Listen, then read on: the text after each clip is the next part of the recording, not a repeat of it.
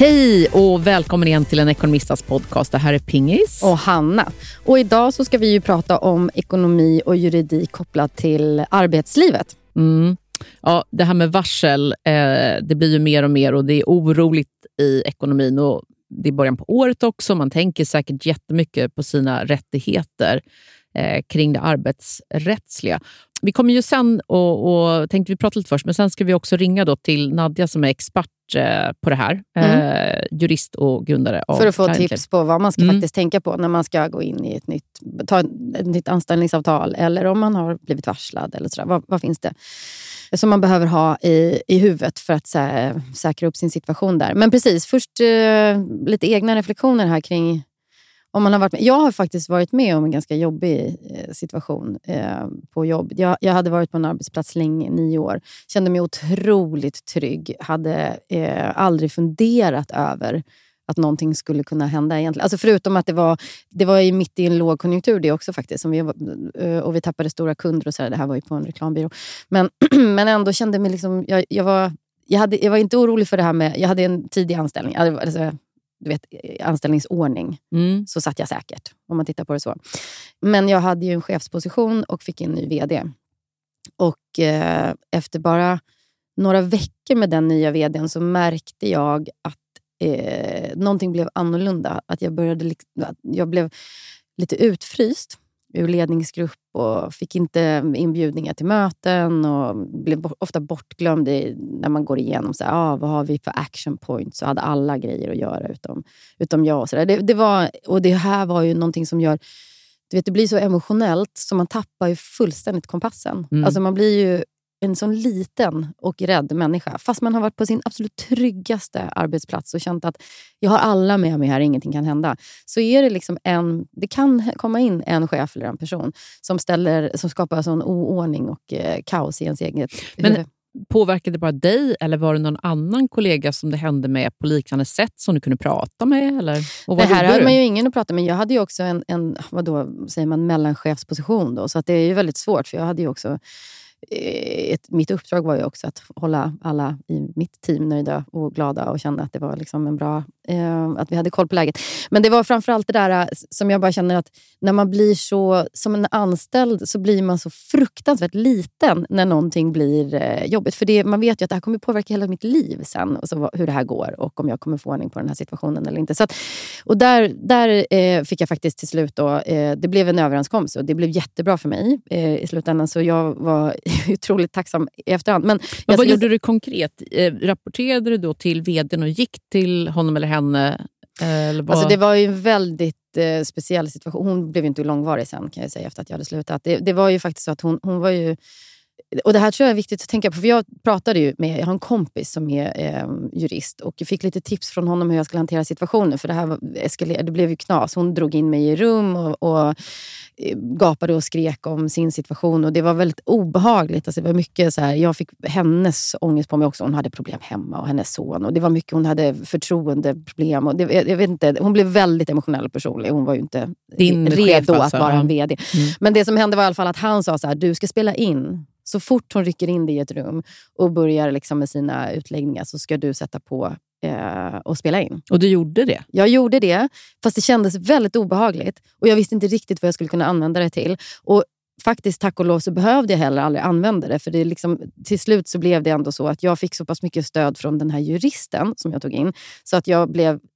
tillräckligt stark för att också ta en diskussion och nå en överenskommelse med vdn. Men hade jag inte haft honom, juristen, som hjälp och varit ensam i det här så vet jag faktiskt inte vad som, vart mina tankar hade tagit vägen. För man blir väldigt, man blir väldigt rädd. Och ja, och sen är det superjobbigt i de där lägena också när man själv har ett personalansvar. Exakt. Att det kan vara okej okay om man själv kan liksom krypa in i ett hål, men när man har ett team som man ska vara peppa ja, och leda. Exakt. Och som ju också, som, det ska man komma ihåg, i arbetslivet så är det ju faktiskt så att de flesta skyddar sig själva när det, kommer, liksom, när det blir skarpt läge. Eh, jag, det, det, här var ju till och med uppe på ytan så pass att, det var, att de andra runt omkring mig sa att så här, vi ser vad som händer, vi kommer alltid stötta dig, du är liksom viktigast för oss. Och, så där. och sen så blir det ju inte så när det blir skarpt läge, för alla vill ju ha sitt jobb kvar. och, och, och så, där. så oavsett, då, så helt, det, är en, det är en personlig eh, upplevelse som var mardröm. Och det här tror jag man ska tänka på när man hamnar i jobbiga situationer i arbetslivet. Det är så fruktansvärt tungt när man är där. Det är så mörkt och man är så... Eh, så futtig, liten blir man. Och sen så när man kommer ur det så är man ju ofta stark och har lärt sig massa grejer och blir ju, tror jag, mer rustad för nästa jobb. Så mm, om det är någon tröst när man är i en jobbig situation så kan man tänka att det, det oftast liksom leder till någonting bra ändå. Men, men för mig var det ju då att jag faktiskt tog hjälp av en, jurist och fick liksom det stödet. Så att jag kunde bolla med någon som kunde ge mig självförtroende tillbaka. Och som sagt, det var läskigt det där med att hålla på och banda, spela in. Det kändes liksom som att man var med i Succession. Eller något. Ja, men det förstår jag helt klart. Ja. Jag kan inte säga annat att jag också är väldigt vän av eh, att ta hjälp av en arbetsrättsjurist. Jag har lärt mig otroligt mycket av det. Jag har kunnat hjälpa vänner genom det som har ringt just och varit i en liknande situation som du. Det kanske kommit in en ny person i organisationen som är fullständigt galen när man bara känner att jag måste härifrån. Också för min hälsa. Exakt. Eh, nu sitter kanske många tyvärr i situationer att man är så rädd att förlora sitt jobb eh, för att det är dåliga tider. Mm. Men att ta den här hjälpen. Eh, jag har ju haft hjälp av det åt andra hållet. Man kanske har suttit i en styrelse och haft en omöjlig person som behöver sägas upp som också kostar bolaget och skadar bolaget. Hur man får bort mm. den. Så jag har varit på båda håll, både som arbetstagare och arbetsgivare. Men jag tänker nu det här med oroliga tider på arbetsmarknaden. Det är ju verkligen så att det blir ju, alla blir ju väldigt protective, eller man ska säga. Man, man skyddar sin... Det är viktigt att få behålla jobbet för många. Eh, och Det här måste man ju ändå tänka på, som du säger, för på en arbetsplats så behålla ändå någon form av omtanke och värme gentemot varandra så att det inte blir en sån där missundsam och ja, att man bara går och skyddar sin egen position. Eh, och att man inte stannar på ett jobb där man mår dåligt. Mm. För det, Man ska inte underskatta att också det här med till exempel att bränna ut sig, gå in i väggen, har inte alltid att göra med att man är liksom tidspressad, utan att man väger in det här. Hur mår jag faktiskt Nej, men på exakt. jobbet? Och det var ju det i min situation. Där, så jag pratade mycket. Jag pratade faktiskt med min mamma, gjorde jag en del. Som, som man, det, det är skönt att ha någon sån. Och hon var ju verkligen så, du ska bara, här, du kommer inte du hämtar dig inte, och din, din vd och du kommer inte liksom komma överens och du måste bort. För annars kommer du börja må för dåligt. Sen kan man ju tänka på det långsiktigt också ekonomiskt. Att man kommer ju säkerligen inte prestera så bra på den här arbetsplatsen när man mår dåligt. Kanske inte få så bra referenser. Så det kan ju vara ett långsiktigt perspektiv försöka komma, sig, komma vidare. Och så kan man ju skydda sig på olika sätt. Det kan vara facket, det kan vara olika typer av försäkringar. Eh, det kan man ju titta på nu, titta på försäkringar som skyddar en och ger en sån här inkomstförsäkring. Ja, exakt. Så det är sådana saker man kanske ska titta på. Men jag tänker, ska vi kanske ringa till någon som kan lite mer? Ja. Eh, så ringer vi upp Nadja. Hej och varmt välkommen till vår expert, juristen Nadja Tem, grundare av den digitala juristen Cliently. Varmt välkommen Nadja. Tack så mycket. Ja, idag ska vi prata lite, eh, det är lågkonjunktur, många är lite oroliga för jobbet och kanske avtal generellt i lite tuffare tider. Så vi tänkte prata lite med dig om det. Om man går ja, in på, spännande. Ja, precis. Om man går in lite på det här med arbetsrättsliga saker, jättestort ämne, men några generella tips eh, och avtal man ska tänka på? Ja, om man tänker liksom anställningsavtal, och man tänker eh, om man då skulle bli uppsagd och så där, så finns det en del saker som man kan eh, tänka på rent juridiskt. Eh, och hur man ska sköta en uppsägning till exempel. Jag skulle säga det är ett jätteviktigt, det är en förhandling också såklart eh, när det gäller en uppsägning. Eh, precis som vilken förhandling som helst. Men eh, Dels ska man sköta det skriftligen ska jag säga med arbetsgivaren. Så man ska få saker och ting skriftligt så att man har det. Inga muntliga uppsägningar utan begär en skriftlig uppsägning. Ta reda på när man är uppsagd exakt. När börjar det gälla så att säga? När är sista anställningsdagen? Vad skulle hända till exempel? Eh, eller om man, om man tänker sig arbetsbefrielse. Eh, vad gäller då? Ta reda på sådana saker. Eh, om man har möjlighet att ta en annan anställning till exempel under uppsägningstiden utan, att, utan någon avräkning, ta reda på det. Det finns jättemycket man kan göra eh, och liksom reglera. Ja, precis. En fråga som jag har sett i communityt och som jag också faktiskt hört av kompisar. Vad händer med liksom semesterdagar och sådana där grejer som man har sparade? Ja, men precis. Eh, det behöver man ju också ta reda på. Får man ut dem, eh, liksom, blir man arbetsbefriad och anses då ha semester? Kan man få ut dem i pengar? Det finns ju lite olika upplägg. Och det jag skulle säga, om man inte vill sköta den här förhandlingen själv eller tycker att det är mäckigt eller läskigt eller vad det nu må vara så kan man ju först och främst kolla om man kan få hjälp av facket om man är med där och medlem och så där och då kommer ju de kunna hjälpa till och de, det är ju jättebra. Och, och, har man inte den möjligheten så kan man ju alltid ta kontakt med en arbetsrättsjurist som kan hjälpa till. För det är ju en förhandling i slutändan. Precis som vilken förhandling som helst. Och hur kan man, jag tänker om man tar ett nytt jobb nu då, eh, hur kan mm. man liksom ja, så, att, så, att, man sitter så säkert som möjligt i alla fall. Vad ska man tänka på i anställningsavtal? Ja, först och främst så ska man ju se till att skydda sig så mycket som möjligt såklart. Så att en tillsvidareanställning är alltid bra istället för en provanställning till exempel. Sen vill ju arbetsgivaren, nu, om man tittar på arbetstagarens perspektiv så är ju tillsvidareanställning bra såklart. Eh, lönesättningen om man vill ha bonusar, eh, semestrar, ja men alla förmåner man kan tänka sig försöka diskutera det och även där är det ju en förhandlingsfråga. Så att den som är vassast på att förhandla brukar också få ut bästa avtal.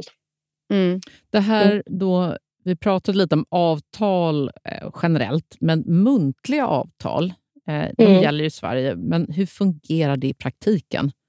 Jag tänker mm. att det lätt kan bli knepigt. Både kanske då, vi säger en arbetsgivare som har sagt att man potentiellt ska få fler semesterdagar eller högre lön eller någonting annat och även mellan privatpersoner. Vad ska man tänka ja, på? Men, och jag, ett exempel som jag har, som jag tycker ja, att jag har varit i en situation flera gånger. Nej, men det här när man har eh, fått ett nytt jobb mm. och då har man fått ett muntligt, en överenskommelse muntligt med den nya arbetsgivaren. Ja, men vi, du, du har fått ett jobb, det här är lönen eller vad det nu är. Alltså, man har pratat igenom det. Och sen så vågar man säga upp sig innan man har fått det skriftliga? Eller vad liksom, för gäller det där muntliga då, eller hur funkar det? Det är intressant. Ja, nej, det är en jättebra fråga. Alltså, muntliga avtal i Sverige gäller ju. Men problemet blir ju oftast då om det uppstår en tvist. Och då är det ju bevis, bevisningen. Det finns ju ingen bevisning. Hur, då blir det ord mot ord. Och då blir det ganska svårt att bevisa saker. Så man ska att, egentligen inte säga upp sig från sin nuvarande? Eller, Men om du Hanna, hade spelat in det här för det vet jag en tidigare kollega till mig sa, hon skulle säga upp sig och ville förhandla sig till jättebra saker. Och Då satt hon på en lunch med den här chefen som var ganska glad. Hon hade ju då suttit och smygspelat in honom. Får man göra så? Så länge man är med i samtalet själv så får man spela in. Uh, annars man får inte spela in två andra parter som sitter och pratar om man själv inte är med i samtalet. Men får man spela in utan att säga att man spelar in? Alltså så länge man sitter där, ja det, det, det kan man göra men det är ju inte så snyggt. Nej att Nej. göra det. Det finns ju saker som är liksom, vad, vad, är rätt och fel enligt lag och vad är liksom rent moraliskt rätt eller fel. Mm. Så. så man får skilja på det. Men, äh, men kan man använda det? Alltså, jag förstår att det, är, mm. det här är känsliga frågor, men om jag då har spelat in, mm. kan jag använda det sen i fall det blir en tvist? Ja, och då är det så här, ja det är klart du kan göra det. Eh, det är ja. ju fri bevisföring, men ja. samtidigt så är det så här, vill man jobba på en arbetsplats Nej. som man har spelat in. Nej. Nej, men det kan, jag tänkte just i det här fallet om man sitter... Eh, ja. Man har ju tyvärr suttit i många situation, sådana situationer själv med, mm. som arbetsgivare och, och, varit i förhandlingar. och då vad man då lovar. Som du säger, eh, man mm. har ju kanske oftast en muntlig förhandling och sen ska det där komma skriftligen. Så att mm. allt det man då muntligen sa finns med mm. där på mm. pappret sen. Ja, men det är väldigt jobbigt om man har sagt upp sig från en anställning och trott att man har ett nytt jobb och sen så bara, mm. ja nej, Nej, men det ska man absolut inte göra, Nej. tänker jag. Utan där ska man faktiskt kräva en, en skriftligt saker och ting innan man fattar stora beslut. Så att man behöver inte vara så glad i hågen och, och hoppa direkt på Tycker du att det finns, ser du att det finns skillnader här mellan är män och kvinnor olika liksom rustade juridiskt mm. eller liksom ställer olika krav på avtal och sådär? Ja, alltså, det, är så, det är ju jättesvårt att dra generella ja, slutsatser. Men jag menar, generellt så är väl kvinnor mindre riskbenägna om man tänker bara risk. Eh, kanske inte liksom säger upp sig hux flux och sådär. Och, och män är ju generellt sett eh, duktigare på att förhandla och våga ta för sig på ett annat sätt. Eh, och, och, ställa krav och, och, ligga på och inte skämmas. Mm. Så jag tänker att vi kvinnor kan lära oss lite av det, att vara lite skamlösa också. Och männen borde lära sig av oss då Att inte vara ja. lika ja, på. dumglada. Nej, jag skojar. Exakt.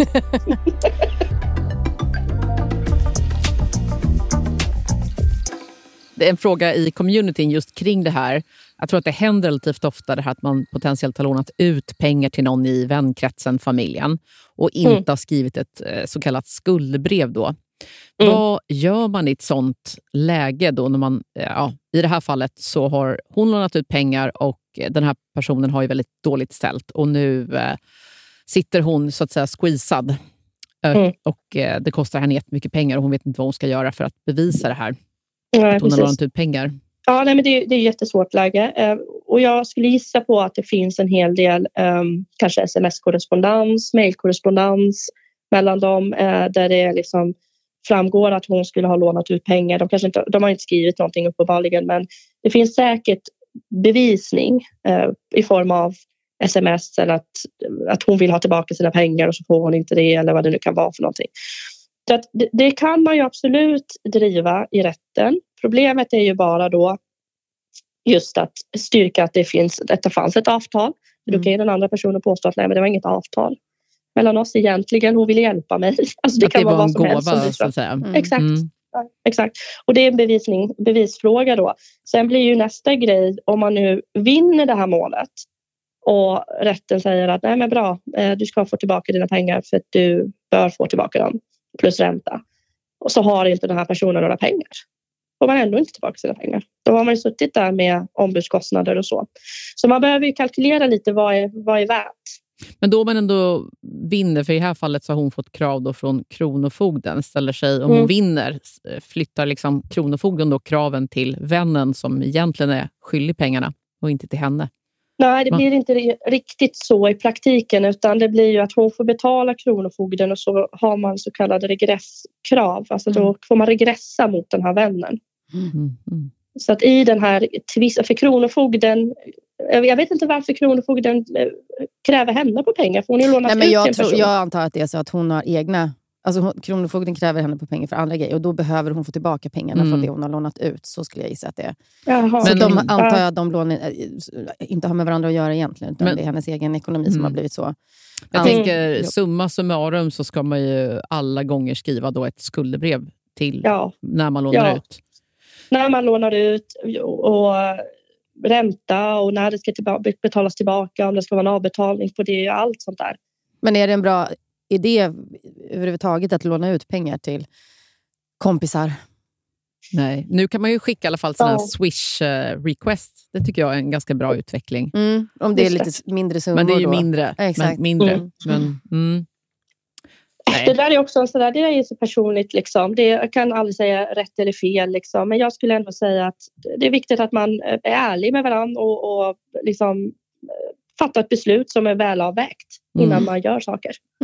Mm. En, bara en sista fråga. Det är så himla mycket kring det här med vad man kan kräva då när man har separerat. Eh, eh mm. Dels, men också när man jobbar eh, en som jobbar mer än den andra och har högre inkomst. Eh, kvinnor vabbar ju mer och jobbar mer deltid. Finns det en mm. mall eller regel att följa kring ekonomisk kompensation när mm. så att säga, den ena pitchar in mer hemma? Är det också mm. att man till exempel kan skriva ett generellt avtal kring ekonomisk kompensation? Eller finns det något kort råd till dem? Ja, det, det, finns ju inget liksom, mall eller lagregel som säger att så här borde det vara utan det här blir ju verkligen en diskussion upp till det enskilda paret. Och där tycker jag att man ska vara väldigt transparent och öppen och ärlig redan från början kring det här och alla beslut man då fattar i den här relationen ska ju vara gemensamma beslut. Är det så att man liksom att, att eh, kvinnan då tjänar mindre eller vabbar mer eller sådär då får man antingen, om man nu har en helt gemensam ekonomi, allt, allt kommer in på ett konto. Men kan man lösning, liksom. skriva ner de här besluten till exempel i ett avtal så man känner sig mer trygg så att man till exempel har det vid en eventuell separation? Det kan man göra, men, men frågan är liksom vad är, det, vad är det för typ av avtal och vad kan man kräva sen av varandra? Eh, det, det kan, liksom... kan ju vara att den andra till exempel överför mer till en sparkonto eller en del av sin eh, premiepension eller någonting sånt. Absolut, men, men sen, sen bottnar det i så fall i ett äktenskapsförord. Då behöver man ju ett sånt om man är gift. Då. Mm. Eller samboavtal uh, kanske. Mm. Eller samma avtal, mm. ja men precis. Uh, exakt, men, men då, för det är ju inte, har man inget av det där så kommer ju allt ingå i bodelningen ändå mm. sen. Mm. Så, om man är gift. Ja, det är mycket mm. att gräva i, men man gäller att ha koll på juridiken. Eh, tusen tack Nadja för att du var med idag. Var hittar man dig? Ja, mig hittar man på sociala medier men också på Clientlys hemsida och i Cliently-appen där jag och mina kollegor eh, kan hjälpa till i diverse juridiska frågor och kan hjälpa vidare om man behöver mer hjälp. Och på TikTok? Och på TikTok. Och där kan man också följa dig på arabiska. Jag, jag, förstår inte riktigt allt där, men jag tycker det är väldigt bra att det finns också. Ja. Eh, tusen tack för att du var med idag. Tusen tack. Tack själv. tack så mycket. Hej då. Hej. Hej.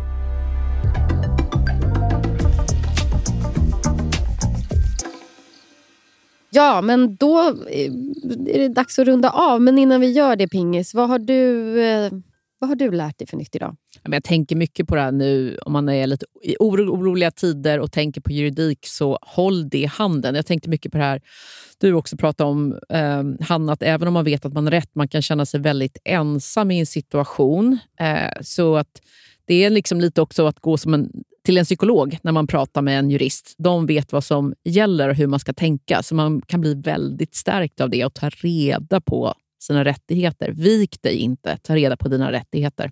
Jag håller helt med. Jag önskar att jag hade hört det här avsnittet innan jag var i min situation på den där arbetsplatsen. Mm. det är ju bra att gå igenom såna här saker också. Men, mm. ja. Ja, nej, men så tack alla som har lyssnat. Fortsätt kommentera i Ekonomista kring vad vi ska prata om i podden. Eh, glöm inte bort att det finns massa bra artiklar och läsning på nordax.se. Och eh, så summerar vi som vanligt dagens tips i våra sociala mediekanaler. Så att, eh, ja, med det tack för idag då. Tack, hej då! Hej då!